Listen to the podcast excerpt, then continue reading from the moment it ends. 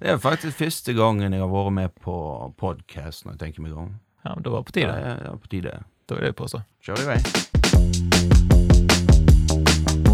Da lytter du til Sunnhordlandpodden, en podkast der du får møte spennende personer med en eller annen tilknytning til regionen Sunnhordland. Podkasten blir produsert av Kjetil Fyllingen.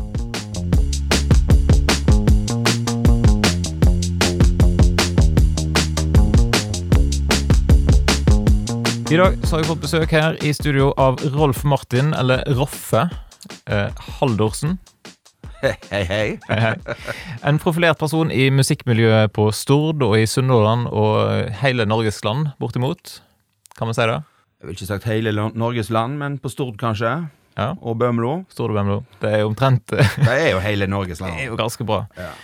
Men for de som ikke kjenner deg, da, hvem, hvis du skal presentere deg, hvem er Haldorsen?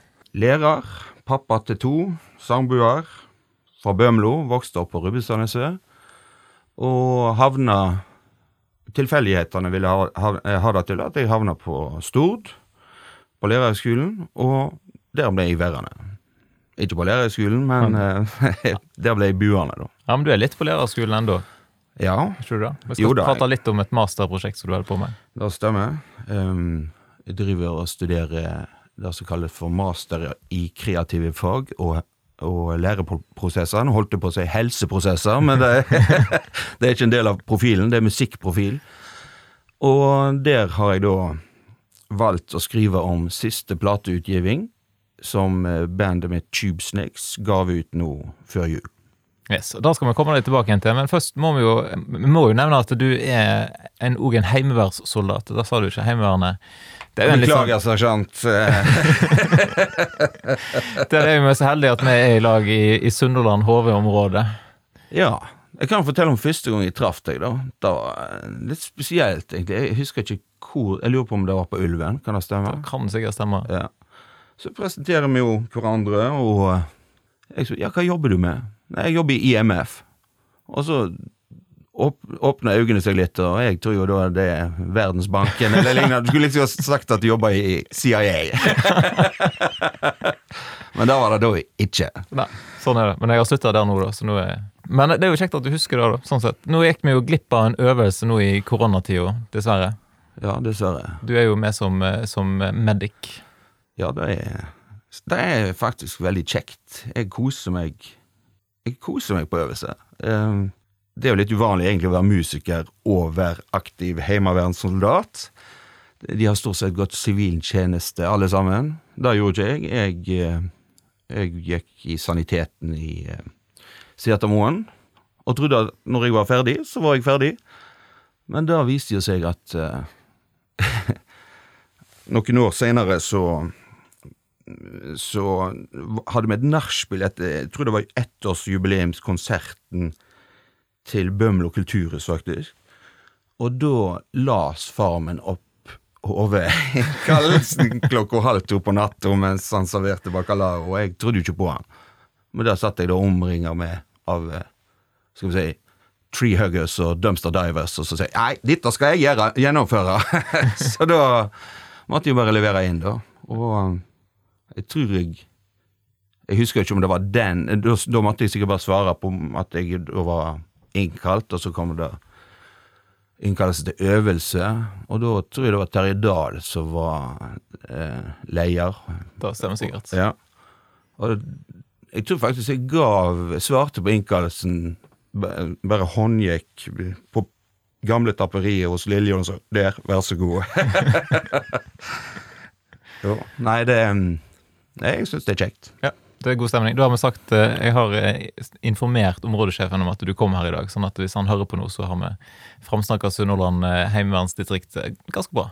Jeg får håpe det. Ja, Sats på det. Supert. Men også, før vi kommer til musikken, så må du si litt om eh, hvordan det har vært å være lærer nå i koronatida. For dere, både du og din fru er lærere, og dere har et par små unger. Hvordan har det fungert? Ja, det, det ante meg at eh, de kom til å stenge ned. Jeg følte på en måte at det var Danmark som stengte ned skolene i Norge på et eller annet vis. Og eh, jeg skjønte jo at det kom til å skje, men jeg ante jo ikke hva konsekvenser det kom til å og hvor lenge, og hva det kom til å medføre for oss. da. Men eh, Ehm, det var en sånn easy start for meg, for jeg har da studiodag på fredagen. Og dette skjedde Var det en torsdag?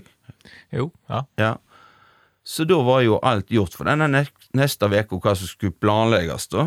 Og jeg skjønte jo på kollegaene mine at eh, de brukte litt mer tid på tilbakemelding og, og kontakt med elever, sammenlignet med når du da går rundt i klasserommet og kan på en måte tenke deg til her må vi gå her, nå må vedkommende ha hjelp til det, og går det bra? Sant?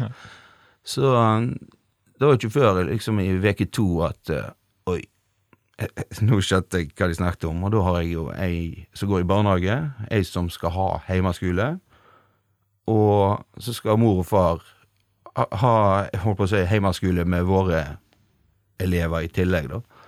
Så da det er, godt, det er godt at jeg er B-menneske, kan du si, på et eller annet vis. Jeg er jo vant til å stå opp tidlig på torsdag, det, Men eh, det gikk noen timer, kan du si, da.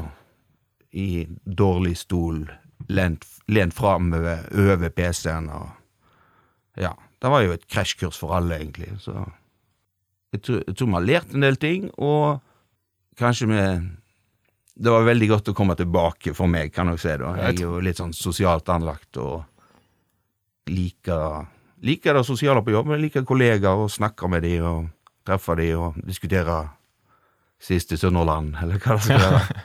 Sa du hvor, hva skole du var på? Moster skole. Moster skole? Klassetrinn, eller? Ja, i år så har jeg vært femte, sjette og sjuende med hovedvekt på sjette, men nå er det jo sånn kohorter, så da er det Ja, prøver de å holde vante til skott så godt de kan, da.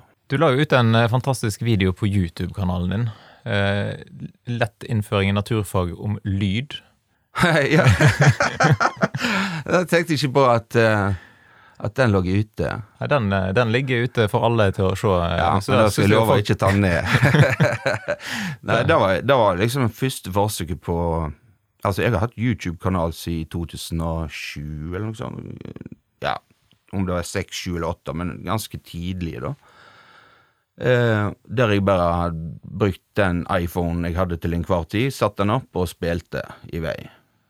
Og da var det min minimalt med redigering, altså Det funka på et eller annet vis før.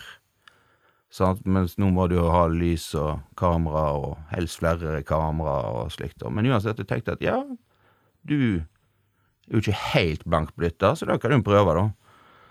Og nå er det første gang jeg har naturfag, eh, så jeg blir litt mer sånn der bonden til boka heller enn hva jeg kunne vært i et annet fag, da. Så da skal jeg da liksom presentere teksten, og det er ikke det er ikke så lett egentlig når du tenker at du skal se i kamera, og så skal vil du egentlig lese teksten som står der, men da har du ikke lov til, sant? og da, eh, da Etter en sånn fire-fem forsøk så ble det ikke så hakkende gale, og det er kanskje det du ser, da. Altså, du hadde fem forsøk før den. eh, Jeg tenkte ja, her kan jeg klippe inn. Altså, ja, men hva skal jeg klippe med? Jeg har jo ikke noe verktøy til det. Sant? Så måtte jeg ja, prøve å finne noe, men jeg lover jeg skal ikke ta det ned, siden du Nei, jeg er folk med Jeg satt og koste meg med den i går til sånn her intro til, eh, til intervju, så det er jo bra. Da har vi fått framsnakket YouTube-kanalen din. Den må jo folk inn og se. Der ligger jo til forskjellige både musikk, sånn som du nevnte, og naturfag. Ja, det er hovedvekt på musikk. Ja, Det er kanskje ikke så rart. Så Hvis vi kommer til musikken, da, for det er jo der du er mest kjent eh, for, vil jeg tro, for folk i musikkmiljøet. Eh, Du kommer opprinnelig fra Bømlo, Rubbestadneset. ja. Stemmer ikke det? Jo. Når starta musikkinteressen? Mm, altså, jeg begynte jo på blokkfløyta og alle ting på sånn forkurs, eller hva de sa, sikkert førsteklassen, altså sju år eller noe sånt, eh, på Rubbestadnes skole. Og så når jeg var, begynte i fjerde, så begynte jeg på klarinett. Og øvde veldig iherdig. Og vi hadde sånn, vi måtte øve en, jeg husker ikke om det var en halvtime eller en time hver dag, men altså det var sånn På klarinett. på klarinett, ja. Stakkars foreldrene dine, tenker jeg da. Ja, altså Jeg bruker å si at jeg spilte klarinett i et helt år i den tru at det var saksofon. Altså, jeg så ikke forskjell på det. Jeg hadde en onkel som Nei, onkel, en grandonkel, kan du si. Vi, kal, vi kalte han for Onkel Finn. Han eh, spilte da jazzpiano, spilte saksofon. Han eh, Ja, han studerte i Wales, der som far min endte opp å studere.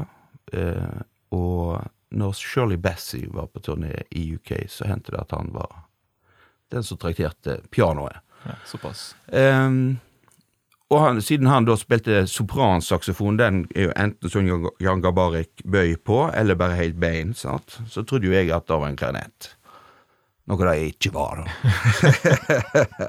så etter hvert så begynte jeg med å spille gitar i kanskje sjette klasse på skolen, og eh, da snakker vi vel eh, Knocking on Heaven's Door med Guns N' Roses. Jeg lurer på om det var B-sida på You Could Be Mine-singelen som ble gitt ut i samband med Terminator 2-filmen som kom, når nå den kom. Da var liksom Da røyk klarinetten i veggen. Og etter det så har det vært gitar. Ja. Sykelig opptatt av gitar. Jeg har ofra vanvittig med timer. Ofra, helt, helt feil å si. Jeg, altså, jeg har brukt veldig, veldig mye tid av ungdomstida mi på å sitte hjemme med en gitar i fanget og ødelagt hørselen min og øvd på ting som folk kanskje ikke engang forstår hvorfor jeg gjorde. Altså, jeg tenkte at jeg kunne frelse verden med instrumental gitarmusikk. Heldigvis så på et eller annet tidspunkt så innså jeg at det var ikke det som var det store fokuset da. Men jeg brukte mye tid på å øve og spille. Jeg husker jeg gikk på Platon i Bergen og kjøpte plate, bare det var gitar på det, så bare liksom høre altså, så hm, det, dette var jo bra gitarmusikk, og det hørtes som regel ut som eh, ja, da er vi direkte tilbake med lottotrekning for Hamar. Så altså, den musikken i bakgrunnen, sant? og det var da jeg hadde lyst til å spille, da. Fra, ja, til jeg var kanskje sånn 16, Ja. og så Var det kulturskole på den tida der, eller var det liksom kulturskole, på hjemmebane? alt? eller musikkskole, heter det. Musikkskole, heter det. Ja, så jeg gikk jo faktisk på sånn der stipend uh, i, i kommunen, der jeg tok gitartimer i Bergen. Såpass. Jeg gikk på videregående, så var jeg godskrevet eh, valgfag på kontrakt, kalte de det. Så der sto de på da, for at jeg skulle få øve litt, og da hadde de liksom en sånn gallionsfigur. Sånn, Sjå, vi kan rock òg! Sånn. så det var lite klassisk gitar. Jeg begynte vel på da eh, 17-18. Da begynte jeg liksom Jeg kunne jo for så vidt Eller jeg las jo for så vidt noter i korpset. Og så tenkte jeg ja, la oss prøve det litt, grann, da. Men eh, når jeg da for tredje gang på rad kommer med stålstrenger og plekter på klassisk gitar Hva var det han eh, Det var en islending som var gitarlærer, så ah, Gjør faen. Ja, kompa, du spiller solo. Nei Ja, og da var det jo militær, jeg har jo for så vidt snakket om, videre. Eh, havna i Musikalske forbilder, tenkte jeg på. Har du noen, eh, rent bortsett fra den der eh, bingomusikken? Eh, ja Bob Dylan eh, syns jeg er utrolig flott å høre på. Eh, Jimmy Henriks blir jeg aldri kvitt av. Jeg vokste opp i en heim der de aldri ble enige om hva som var best av Stones og Beatles. Så eh, jeg tror far min vant med Beatles der, men det er ikke alle som er enig i det.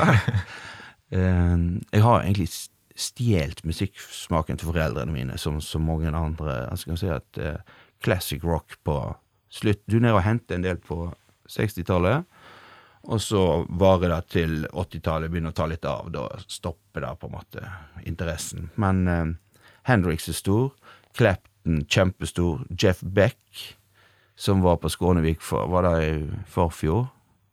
Ja. Jeg fikk jo tekstmelding fra han eh, i Skånevik eh, i romjula. Der! Nå fikk vi Jeff Beck! eh, så jeg var jo klar over det i forveien, da, at eh, det kom til å skje. Og da er det jo fullpakka telt, 5000 mann, og så har jeg bestemt meg at jeg skal helt fremst. Går jeg helt fremst, og så hører jeg Sjokk å se deg her, Roffe! så står det liksom fire voksne mannfolk og tørker tårene der på fremste rad og ser det som jeg mener er den flotteste gitaristen som er i live i dag. Um, ja, det var stort.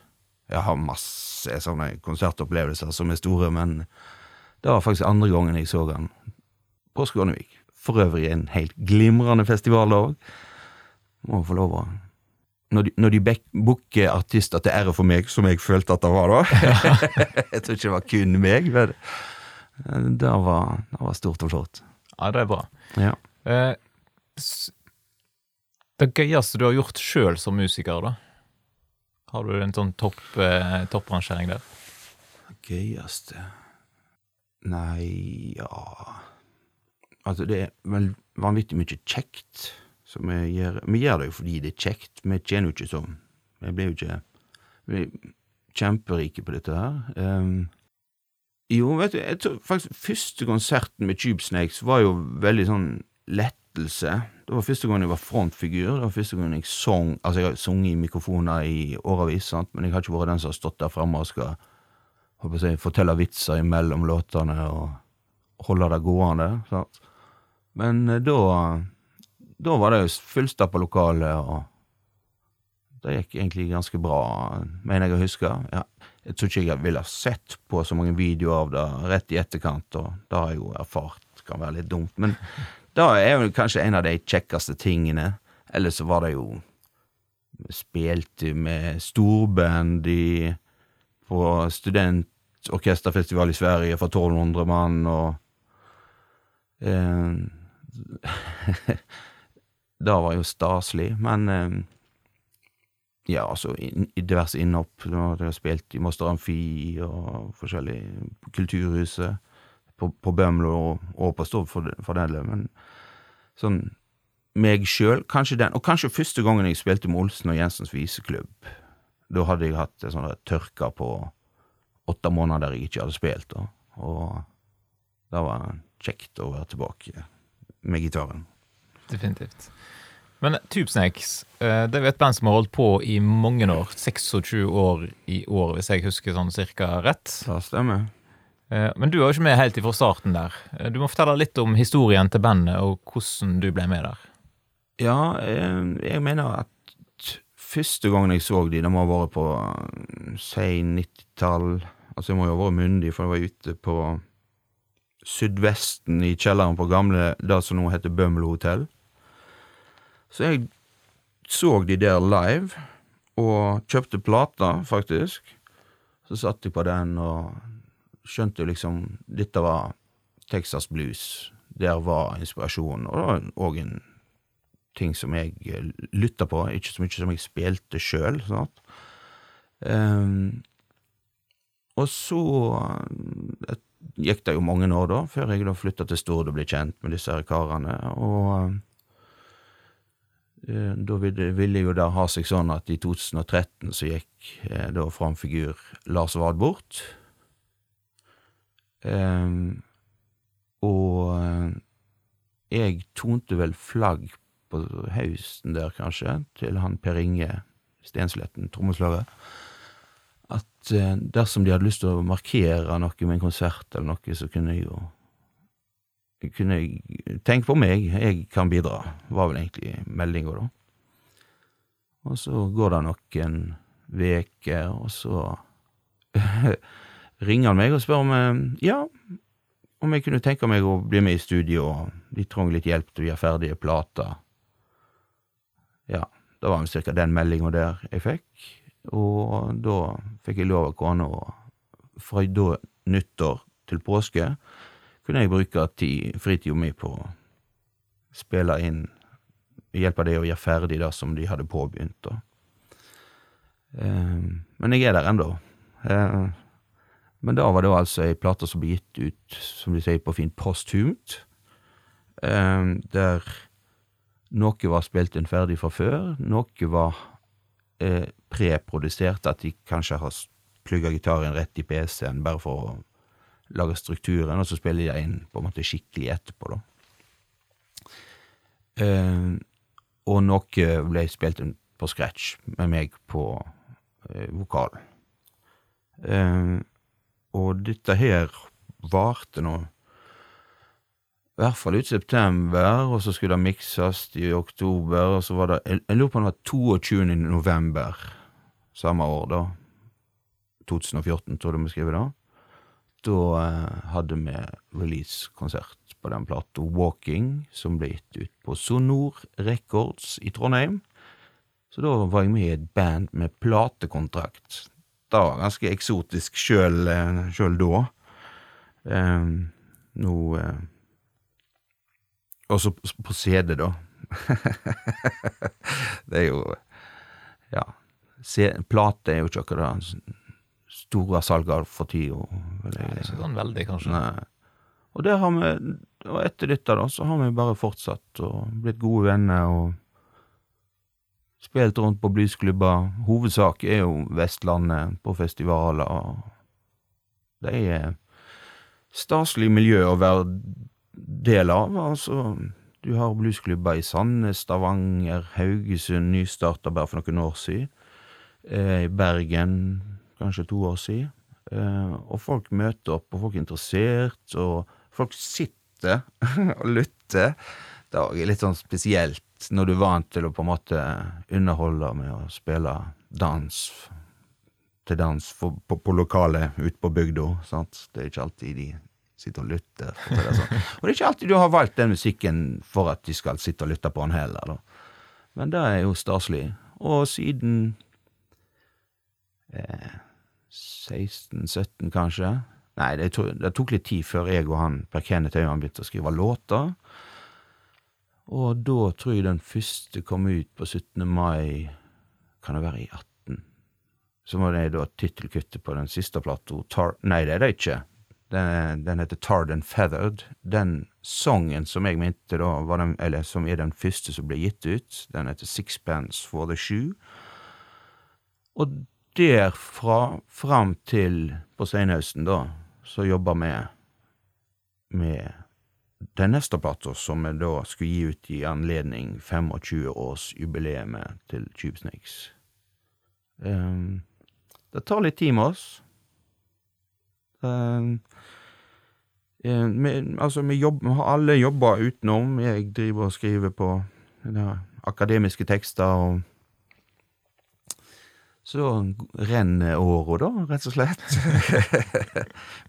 ja. Nei, det er staselig gjeng å, å være med, og vi har jo noe på tapeten òg, så kanskje vi kan ta en plugg for nå, eksempel. Det kan jo sikkert passe ja, fint. Helga 19.-20. juni så skal vi da spille på Osvald, etter da gjeldende smittevernregler, hva da måtte være. Per nå er vi da 50, tror jeg. Ja jeg er ikke helt inne i dette. Nei, men, men, eh, men altså, da, da, var det som det var forrige uke, for å si det sånn. Det kan jo forandre seg fort. Og det kan jo forandre seg, men i utgangspunktet da, så er det 50 billetter i salg på fredagen og 50 på lørdagen.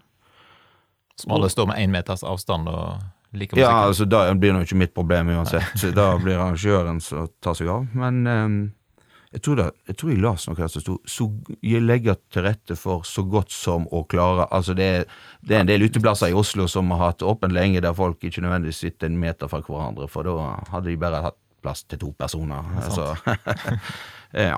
Så helga 19. og 20. juni, da er Tubesnakes å finne på Osvald, og det er den første konserten vi skal spille i 2020, faktisk. Det tok Nesten et Ja, det tok et halvt år. ja. Sånn er det. Men eh, du har jo altså skrevet masteroppgaver om dette albumet til den Feather. Ja, ikke si at jeg har skrevet masteroppgaver. Du jobber med jeg, jeg, ja, jeg holder på med det, og nå er jeg kommet så langt at uh, du kan si at datamaterialet ligger der, og det må sorteres i, og Men hvordan ser det ut, eller hva er liksom problemstillingen, eller hva er det du skal finne ut av? Ja, nå følte jeg var på muntlig eksamen med en gang. jeg kan si eh, hvis vi Det som er interessant med dette bandet, det er egentlig at det fravær av alt som kan minne ark med nedskrevet, om det er noter eller om det er akkordskjema Altså, det, det, all kommunikasjon, den er face to face, muntlig. Enten ved at du viser, eller at du synger sånn som jeg gjør nå, at uh, du uh, bruke en referanse. Så ja, Litt sånn Gary Moore-aktig 70-tallsballade med firklangakkorder. Kunne jeg sagt, eller Ja, og så Big Bang-koring. Ja, nemlig. Ja. Altså litt sånn Altså, vi har Hvis jeg bruker disse referansene som jeg har valgt å kalle det foreløpig, da, vet ikke helt om det er det jeg lander på, men da kan jeg snakke med folk i andre band, og så forstår de det.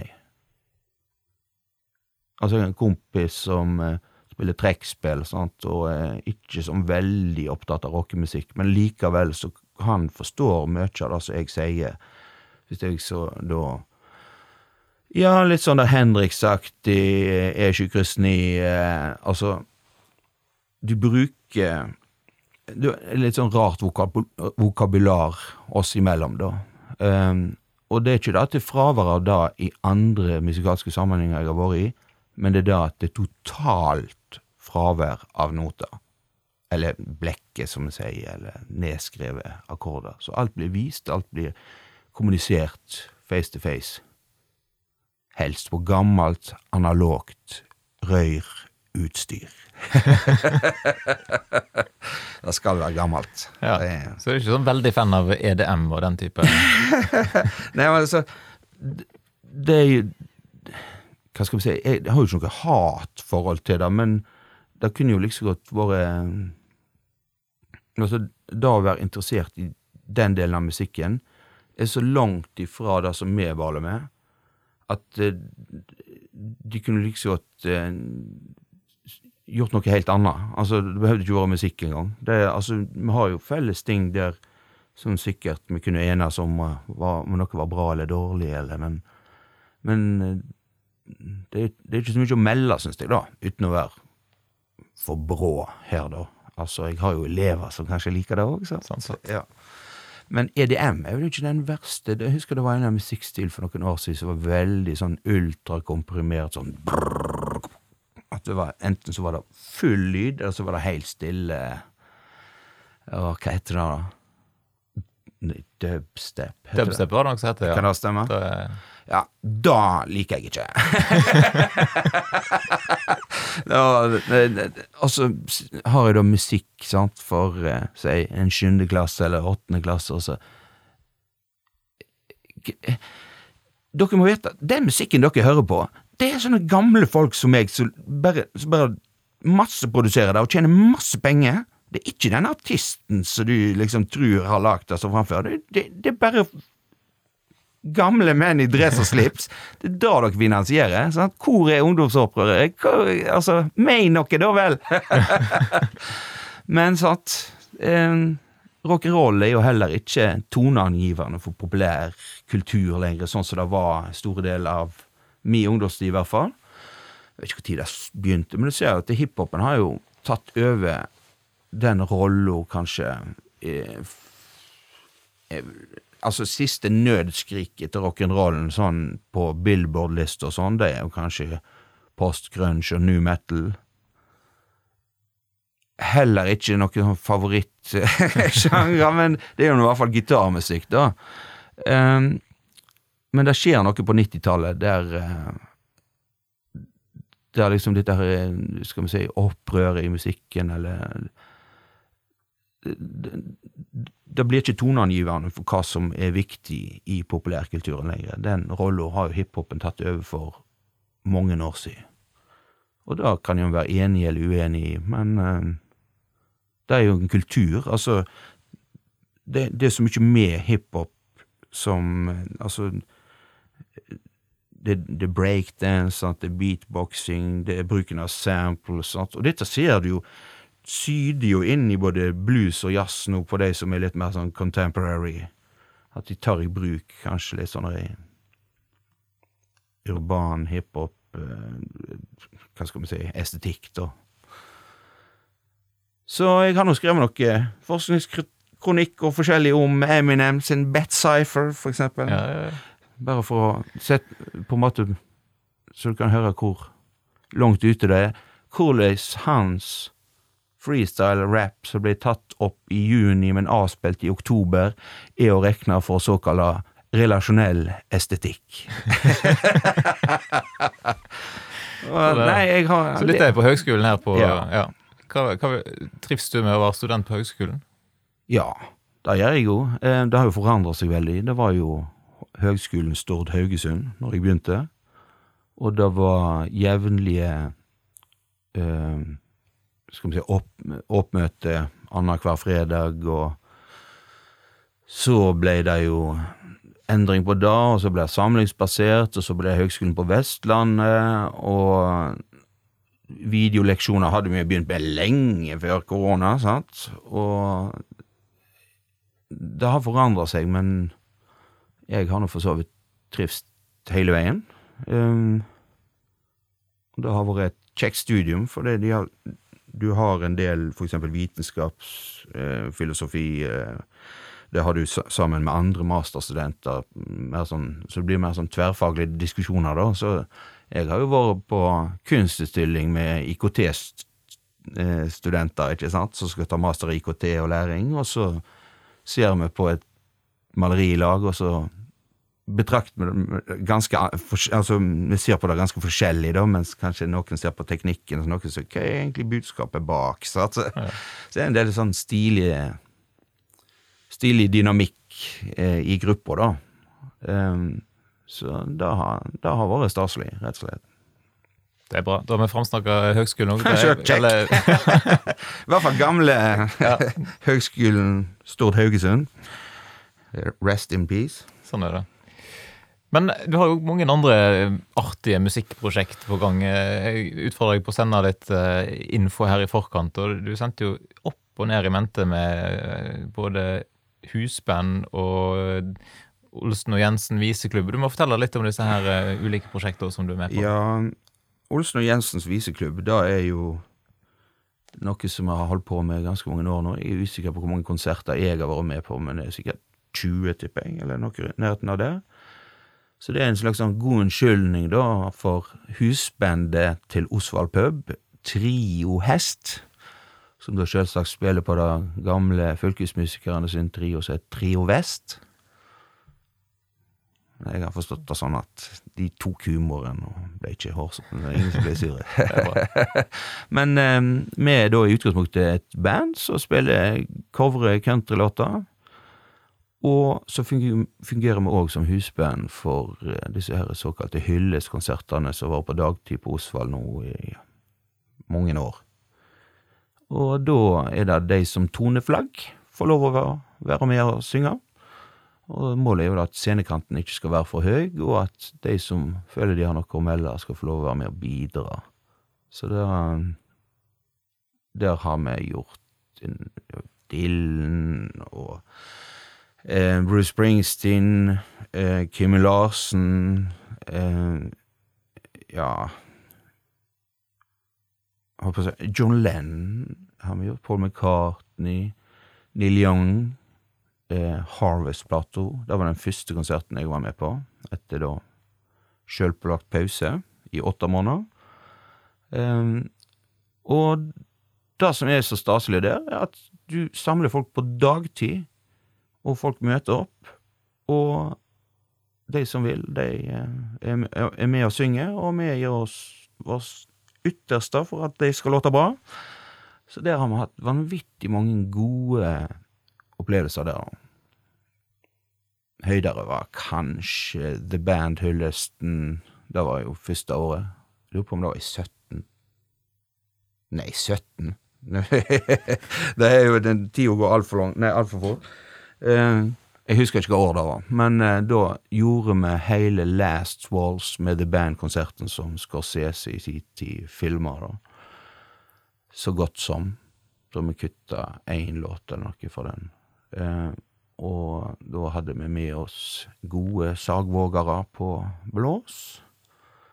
Og jeg tror på den soundchecken så sto Det var jo faktisk jubileum for Osvald pub den veka der vi sto og øvde, og da sto de og tørkte tårene på trappa der ute. ja, staselig. Er Olsen og Jensen Visklubb fra og ifra. En Trio Hest-bandet, utrolig kjekt. Jeg bruker å si at repertoaret er Det er den type countrymusikk som faren min på 70-tallet hadde blitt flau av og hatt på på fest. Men det er ikke sant. Altså, han liker noe country, han, som så mange andre. Men eh, for noen av oss, meg sjøl inkludert, så måtte jeg liksom runde 30 før jeg likte det skikkelig godt. Og kan du gi et eksempel på en sang her? på en måte? Ikke de synger, men hva, hva musikk er det vi snakker om? Nei, altså det er jo er en del av den eh, countrymusikken nå er jo på en måte blitt veldig stuerein. Sånn du har Waylon Jennings, du har Johnny Cash, Willie Nelson eh, Mama, don't let your babies grow up to be cowboys. Just let them play guitars and drive them then trucks. Ja, og så videre. Um, det er en- Ja, altså Du heller kanskje litt mer mot 50-tallet. Mens i den rocketilværelsen, da er du liksom nede på 60 Altså for min del, da. Så eh, det er jo så godt som vanntette skott mellom øvingslokalene til uh, Tube Snakes og og, og Trio Hest. For de, de klager jo sånn at at, eh, at det liksom lukter hesteskit i blueslokalet. Da. Hvis jeg tar fram et eller annet sånt country-liks på gitaren der, så det er ikke alltid da Det er ikke alltid da blir tatt like godt imot, for å si det sånn. da. nei, men du klarer å traktere begge verdener, liksom. Ja, men eh, Men det er to forskjellige ting. De er veldig nært beslekta. De har masse felles eh, Felles eh, hva heter det? Utgangspunkt. Eh, men eh, det er litt sånn som min, min egen nynorsk og bokmål. Jeg hørte dere snakket om det i en podkast, sånn. Når Altså, jeg gikk jo faktisk tre år på BI. Jeg bruker å si at jeg gikk musikklinja på BI, for jeg spilte i så mange band, og så tok jeg noen få eksamener, og så strøk jeg på noen og vet jeg av noen andre. Um, da ehm, Ja, hvor var jeg nå? Rota meg vekk med en gang. Um, Bruken av nynorsk. ja, og- bruken av nynorsk. Da kunne ikke jeg skrive nynorsk, for, for det var jo bare bokmålfolk, og du skulle gjøre gruppearbeid, ikke sant? Uh, så da var jeg kav bokmål, og så flytta jeg hjem, og så begynte jeg etter hvert på lærerskolen, og så kom jeg på oi, jeg må, kan jo risikere å skrive på nynorsk, så skifta jeg helt om. Og da er det sånn at når vi skriver bokmål, så er det bare to kjønn, og skriver nynorsk, så er det Ja, altså Du prøver å skille de, da, rett, mer at det blir en sånn konservativ versjon av begge, da, hvis du skjønner. Mm. Og da var der klarte jeg å rodde i land. Så, og da er egentlig det samme, sånn som jeg tenker med country og si, blues, bluesrock, da, er at eh, du kan leke deg over streken, men liksom brorparten må være i den ene eller andre le eh, leken, ja, leiren. Var det svar på spørsmålet? Jeg husker ikke hva svaret på den på at det er bra. Ja. Eh, andre musikkprosjekt har på gang? Ja, har på gang. Eller- Det er ikke Jeg nevnte vel da at eh, jeg sitter vel som og venter at Daniel Måge skal få ut fingeren og gi ut uh, soloplata si. Der har jo en hel skokk med s- Stord-musikere vært med på laget og spilt inn. Deriblant meg sjøl og kona på vokal.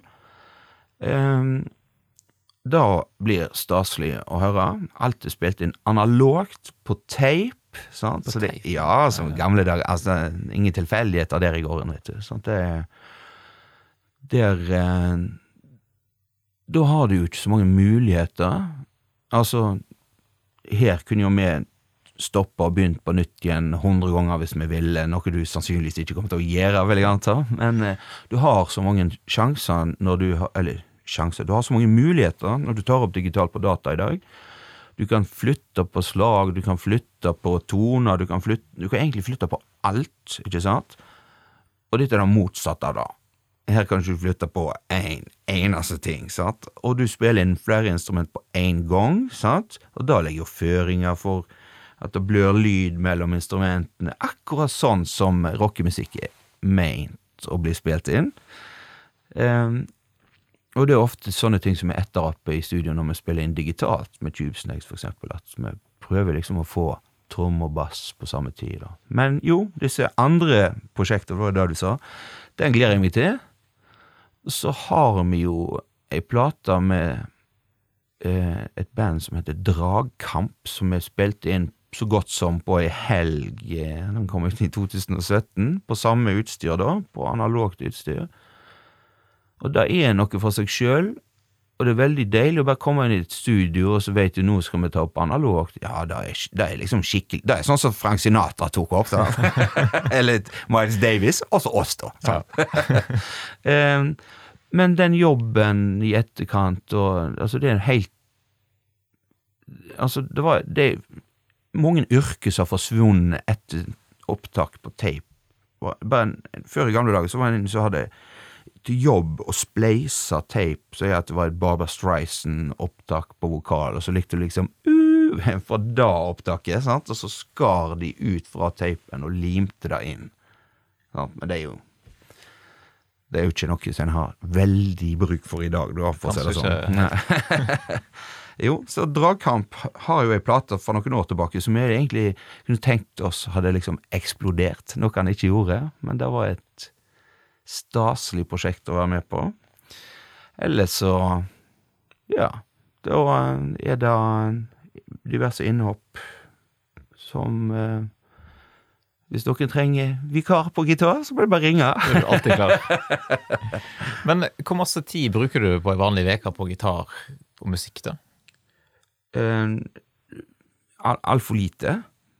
Eh, før så kunne jeg bruke mange timer, men da var det bare jeg og eventuelt en kjæreste eller noe, så jeg måtte ha permisjon fra noen dager i uka.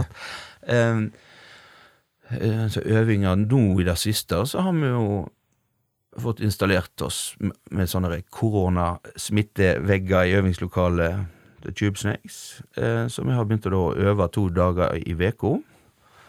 Og da tror jeg er ganske uvanlig for et band med sånne gamlinger som oss, da, som spiller dad rock. Eh, så si, da er det um, tre, ja, seks timer kanskje i uka med øving på ei god uke, da, eh, i øvingslokalet. Og så er det jo e- egenøving i tillegg, da. Problemet der er jo ofte at eh, det er forskjell på å øve og spille, hvis du forstår.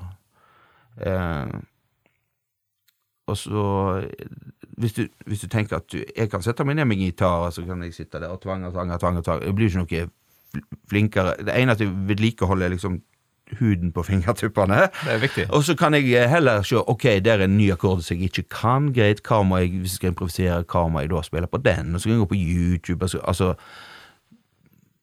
så hvor mange timer Hvis du tar med alt det som jeg da bruker foran dataen, da, så er det, da tør jeg ikke tenke på engang. Men eh, sånn rent bandspilling skal jeg si seks timer i uka. Eh, øving altfor lite. Det eneste jeg kan. Ja. Men eh, dere hadde jo litt forskjellige planer nå før koronaen, hadde dere det, som gikk i, litt i vasken? Jo um, Altså, det er forskjell på å ha planer og å ha en jobb ferdig booka, ikke sant? Eh, Vi stoppa jo som alle andre. Eh, Unnskyld. Eh, vi skulle, skulle til Mandal og spille på bluesfestivalen der, og varme opp for ei dame som heter Dana Fuchs.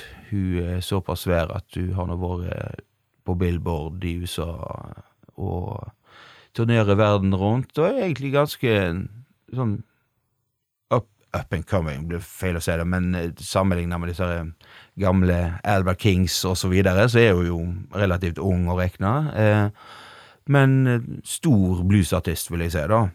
Så da gleder vi oss veldig til, og vi skal òg få eh, spille en konsert alene.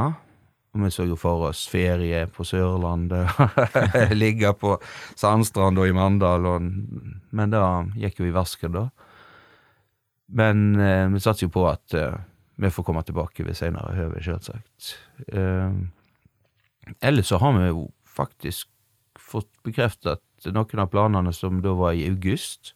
Det var jo i Stavanger og Sandnes for bluesklubben der, da. Det står visst ved lag ennå, da. Så det var jo utrolig kjekt. Ellers så kan du si at det, det var ikke sånn at vi hadde en turnéplan på 20 byer vi skulle besøke, som gikk i vasken her, da. Det var jo Det var nå bare den derre vanlige én gig i måneden, kanskje. Men eh, ville dere spilt mer, på en måte, hvis dere kunne? Eller hvordan er det der? Er, dere, er fornøyd med ikke Norges turné? Ja, altså, det er jo kjekt å spille, men det er jo hva tid altså, Jeg har ikke lyst til å kjøre til Bodø for å For vi må ha med oss da hjemme orgelet, for eksempel. Altså. Um, det, det, som er ambisjonen, er på en måte at vi skal ha noen turer over til Østlandet, spille på noen klubber der, og så eh, har vi det fint med den aktiviteten vi har nå, og i og med at jeg studerer, sant? så har, nå har det ikke vært tid til så veldig mye annet enn familie og og bandet, egentlig. Skal si, Tilværelsen min før jul var jo helt vanvittig. Da skrev jeg musikk til ei plate som jeg samtidig spilte inn, altså jeg med spilte inn. Per Kenneth Hauan produserte. Ehm, jeg skrev oppgave i masterstudiet. Jeg øvde med bandet til jubileumskonserten. Og da mangler det jo på en måte sju-åtte timer hver eneste døgn, egentlig, for å få det der til å gå opp, da. Så når, når vi var når vi var ferdig med innspilling, vi dro til Bergen og spilte for deg, og tok juleferie, da da hadde du liksom gjort et voldsomt løft, da, så da var det greit å slappe litt av, da. Eh, vi fortsatte jo å øve og sånt, men tenkte at vi, vi kunne jo dreie litt grann før vi booka de aller største jobbene da. Så, så, sånn sett var det egentlig greit at korona kom og du fikk slappe av nei. det ble jo ikke avslapping, det ble jo det motsatte. Ja. ikke sant? Um, vi har jo Vi er jo i gang å skrive låter til neste Vi sier alltid fullengder. Du kan jo ikke si plata egentlig Eller du kan nok si det, folk skjønner hva du mener, sant? Um, men eh, vi er såpass snobbete at når vi gir ut en plate, så tenker vi ja, greit, da må det være en rekkefølge på låtene som hadde passet på vinylplata, og så ikke mer enn 40 minutter, for da blir det for dårlig lydkvalitet på sporet som innerst på plata og slikt. Så jeg, har jo lyst til å gi ut denne plata på, på vinyl, da, så det var noen som sa 'It ain't final until it's on vinyl'. Sant. Så da kunne vi hatt en ny releasekonsert. det var god stemning.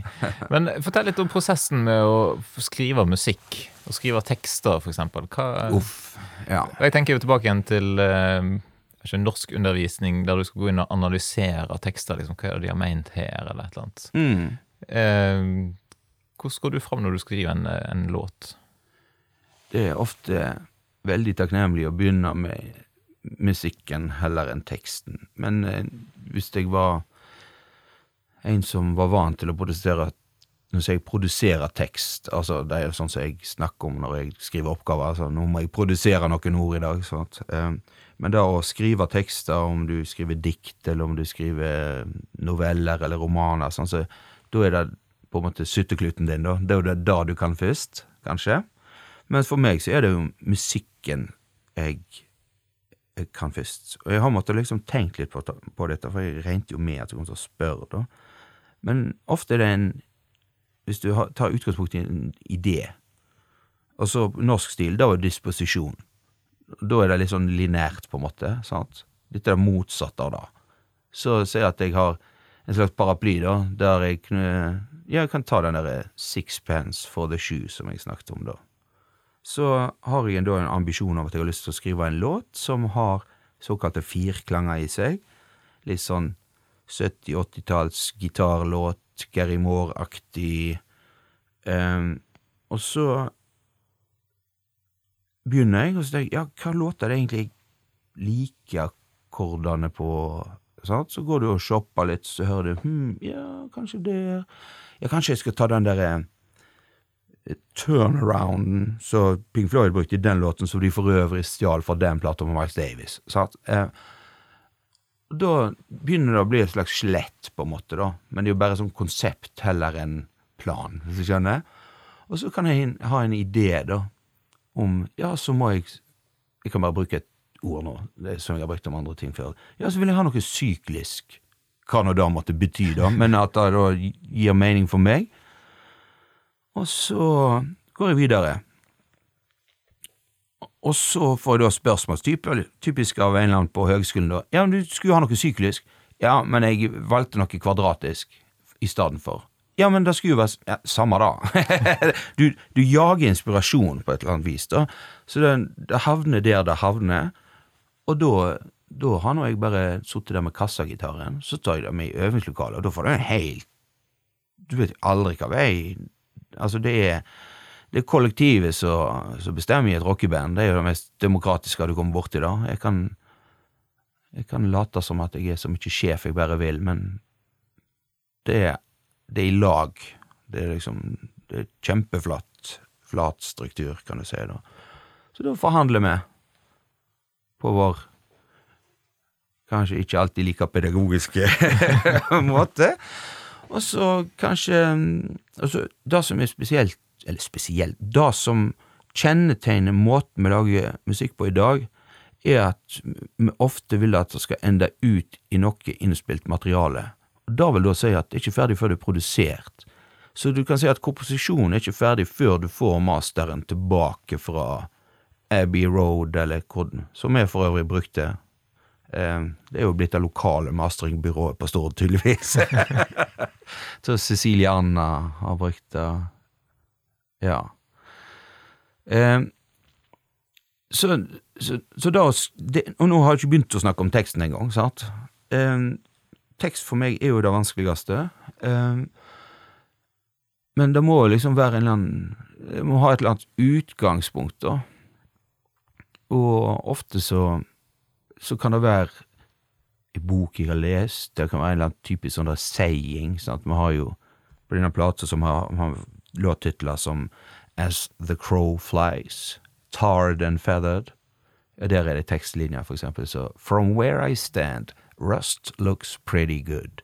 Og da har jeg stjålet direkte fra en Eagles-dokumentar som jeg for noen, så for noen år siden. Så jeg sitter med mobilen, og så tar jeg sånn derre Skriver jeg ned Hvis noen sier noe som liksom syns det klinger litt stilig, så hm, da kan jeg jo bruke. Eh, og det gjelder jo både film og bøker, musikk altså Inspirasjon kan jo komme fra hvor som helst, egentlig. Mm. Jeg hadde besøk av en engelskmann her for noen år tilbake, og han sa liksom So needs must when the devil drives. Så hæ?! ja, altså, du hadde ikke råd til operasjon til bestemor, men du tok på kredittkortet. Needs must when the devil drives. Så tenkte jeg greit, det må jo bli en låt. Jeg Har ikke klart å skrive den ennå, men nå har jeg i hvert fall sagt det her, så ja, da er jeg nødt til å skrive. så litt sånne småstilige engelske varianter, da. Problemet med er jo at jeg har jo ikke hatt engelsk mer enn første klasse på videregående. Jeg har lest masse på engelsk, og lest, altså studert, så, jeg måtte jo ha lest bøker og tekster på engelsk, selvsagt. Men sånn formell kompetanse så er jo det ganske lågt, da. Selv om jeg, jeg tror at pub-engelsken min er pretty decent, sant. Um, men uh, du, du, kan jo ikke få med deg alt, og du vet at det er en del ting som du kan tulle med, og typisk verbtid er vanskelig på engelsk for oss nordmenn. sant? Så, så sender vi jo til vår gode venn Randy Pavlok, som bor i Texas, som banda samarbeid med si ja, tidlig 2000-tall, kanskje før da òg. Så da tar han en liten språkvask, da. Og ellers så har jeg jo brukt eh, kompiser som eh, har engelsk som førstespråk, bare sånn at jeg ikke er helt på jordet. Av og til så finner jeg driter hva han sier. så gjør jeg sånn som jeg hadde tenkt. Men nå har jeg i hvert fall fått, uh, fått en tilbakemelding da om uh, det holder vann eller ikke, da. Så er det Blues er ofte Blues og bluesrock, eller, eller er ofte veldig sånn beint fram om mer sånn mellommenneskelig, om forhold, om død, om tro og tvil, men det er ikke antydningens kunst på samme måte som kanskje enkelte rocker Jeg har jo nevnt Jimmy Henriks, var nå en badass bluesgitarist, men Hvordan sier det da? I've been standing next to a mountain. I chop it down with the edge of my hand. Sånn, det er ikke det er jo på en måte Det er noen få i Norge som skriver sånne tekster på norsk. Der har du Kjartan Kristiansen fra Dum Dum Boys. Sant? Spiser solnedgang som drops. Eh, sånn metaforvirksomhet er jeg jo vanvittig glad i.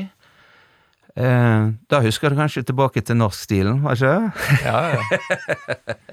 Så Språklig virkemiddel. jeg kaller det bare for Henriks metaforer, jeg, da. Jeg syns jo òg Truls Horvei er veldig flink på å skrive den måten, så jeg Ja. Ja. Men det er ikke så masse i bluesen, rett og slett, med metaforene? Altså, det, du vil jo, vil jo finne det, sant? Born under a bad sign. Det er jo Det er nok ikke bokstavelig ment at det var et, et, et, eh, skilt som sto bad på, eller bad, som vi sier på norsk. Det betyr jo helt noe annet. Ja. Um, men ta eksempel, da. Hellbillies. Sant? Det er typisk De, de har De bruker mye sam... De bruker ofte som. Sant? Hvis du bare tar vekk sommen, da, så har du liksom metaforen som jeg er ute etter. Hun var som en vårdagsflaum, sant? Nei, hun var det, sant? så jeg, jeg liker den, den måten å skrive tekster på, men så må jeg liksom anerkjenne at det som er opererer, og den sjangeren som er i, da Ja, det er jo opp til hver enkelt. Jeg kan vel gjøre hva jeg vil, og så får nå folk ta det som det er. Ja, sant. Ja, det er bra. Vi begynner faktisk å tikke godt over det som er anbefalt lengde på en podkast. Ja, har sagt. Men eh, for du som har lytta helt til nå, du har jo fått med deg masse bra fra eh, Roffe her. Og vi har ikke kommet innom eh, det du eventuelt skulle gjøre på på fritida. Um, for du driver jo både med fridykking, flaskedykking. Da lurte jeg på om du drev og dykka etter flasker, men det, Nei, det var ikke, det var det kanskje mer med luft. eh, Ja, med luft, på- ja, liksom. sant? Scuba diving, da. Ja. Båtliv, seiling, ski, øl, whisky og tegnefiske. Ja. Jeg Hvis du skulle velge én av de uh, tingene der som du ville sagt litt om på podkasten, hva skulle det vært? Nei, det vet du, du brygger øl. Ja, altså Nå er det så mange som brygger øl. Jeg begynte sånn semi-tidlig. Eh, men siden det er så mange som baler med det, så bare tar vi det vekk. Ja. Kan noen andre snakke med. Du kan jo snakke med Øystein Hus på Elø, eksempel. Det har jeg veldig lyst til å ha med, så hvis de hører, så må de bare komme. Så kjøp lokalt. Um, jo, um, fridykking er staselig. Jeg bruker å gjøre det når jeg er på hytta, og om det er for å dykke etter østers eller kamskjell eller den slags, da. Og da er liksom hovedområdet, det er skryteruta, som jeg bruker å si, det er rundt Goddo. Det er skal vi si, mitt øyrike, eller hashtag mitt øyrike. Det er den mest fantastiske plassen på jord. Eh, og der Der er du for deg sjøl, uansett. Fitjarøyene for den del òg, fantastisk. Det er det, det er så mange holmer og skjær der du kan eh, bale og dykke og kose deg, og du kan forsyne deg av naturen. Altså, det er mat overalt, og det er nydelig flott under der. Hvor langt ned dykker du? det bør vi ikke si høyt nå. Jo da. Eh, sånn Jeg begynner alltid sesongen, for jeg, er, jeg har ikke noe dy... Jeg har veldig sånn billig Billigste utstyr, sånn våtdrakt på europris og Altså det er En av de få interessene mine der jeg ikke har brukt noe særlig penger, er den fridykkeinteressen, da. Men eh, da begynner du litt på denne tida, da, kanskje påskeferien har vært, og så er du under i sånn turistdykking, sånn 20 sekunder, 30 sekunder kanskje, men det er jo sånn vanlig dødelig, jeg klarer jo det.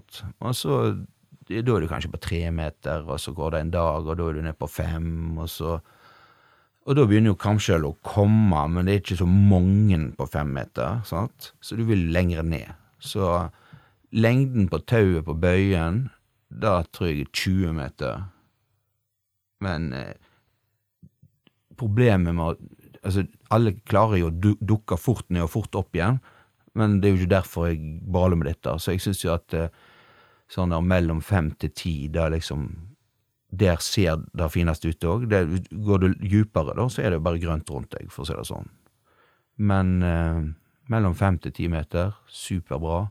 Og da kan du da, da kan du risikere å finne et annet kamskjell òg, hvis du vet hvor du skal dra, da. Men det kan vi ikke si. jeg husker det var en historie om en som jobbet på på gamle Wickman motorfabrikken i Rubbestadneset. Da hadde han fått med seg at en venn av familien hjemme da hadde Han var så flink å fiske.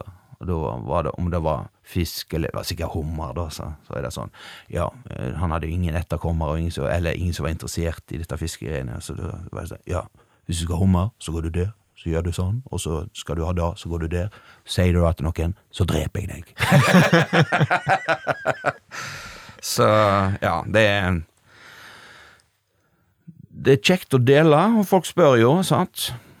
Hvor fant du det? Og så prøver du liksom Ja Ja, det er staselig. Så jeg håper jeg skal få gjøre litt, som jeg sier, flaskedykking òg, da. Men da, da er jeg avhen, avhengig av gode hyttenaboer som kan være med, da. For vi vil jo helst være mer enn én en, en person uh, uansett. Da. Ja. ja. Er du da Ja. på fridykking òg? Nei, det, altså Sånn som jeg har må- måttet løst det, da så er det jo far min i Far min i båten, sant, og så da er jeg på jobb, sant. Da har jeg den derre bøyen, og går opp og ned, og så må du ha oppetid for å Dobbelt så lenge som du er nede, sier de. Det var sånn som jeg fant ut litt seint, men eh, den, så. Eh, men hvis jeg skal liksom bare innerst og få med plukke noe østers, eller sånt. Jeg har jo funnet noe stillehavsøsters rundt om, så jeg prøver liksom å hive på land, for de skal jo ikke være her. Da eh, er det jo på 30 cm, så da anser jeg det som relativt, Relativt trygt. trygt. Ja. Nei, så rundt Goddo, ut og bade, det er glimrende. Det tenker jeg kan være en bra anbefaling sånn på slutten av episoden. Og for de som ikke har fått det med seg, så må de altså gå på YouTube-kanalen og se undervisning om eh, naturfag og lyd. Og så må de komme på konsert på eh, Osvald. Ja, og billetter blir da lagt ut på Facebook-gruppa til Osvald pub og eh, Tube Snakes. Og da blir det en sånn eh, Ticket Co, tror jeg det heter. Profesjonelt, vet du. Så avansert. Det er bra. Du har ikke, sant? Du har ikke betalt eh, meg noe for å komme her, så det er ikke reklame. Nei. Nei. Bare Sjøl Selvpromotering. Det er lov. Det er lov. Jeg må være lov. Men eh, hvis folk vil følge med på deg eh, og det som du holder på med, hvor er det du er mest aktiv i sosiale kanaler? Nei, jeg er jo helt håpløs på alt utenom Facebook, egentlig. Altså, jeg har Instagram. Jeg har sletta Snapchat. Jeg har aldri sendt en snap i hele mitt liv, så da har jeg tenkt å fortsette med. det. Og så Du har ikke stått deg på TikTok, liksom? Det, Nei. Kanskje Du ser liksom alle der på telefonen, og eh, kjempebra radio viser telefonen til mikrofonen. Men den har den. Jeg tipper en iPhone Vintage. eh, 4S eller noe sånt. Ja, ok. Jeg vet ikke hva det er. eller kanskje en femmer. Er Ja, godt for å si. si det sånn, det er ikke vits i å prøve å ringe meg, for jeg har aldri lada telefonen. Det er bra. Og Tusen takk, Jeg har vel òg ei Facebook-side som folk kan Ja. gå inn og følge med på. Så det er bare å like og Ja. dele. Ikke minst. Ikke minst. Ja, supert. Takk for at du var med på podkasten. Håper folk har eh, syntes det har vært greit å høre på. Og sant, følg med på det som skjer i Sunnhordland. Takk for meg. Takk for at du lytta til denne episoden av Sunnhordlandpodden. Har du innspill og tips om hvem som bør være med i podkasten framover, da er det bedre til å ta kontakt. Send en e-post til kjetil at lekenelett.nett, eller søk meg opp i sosiale medier.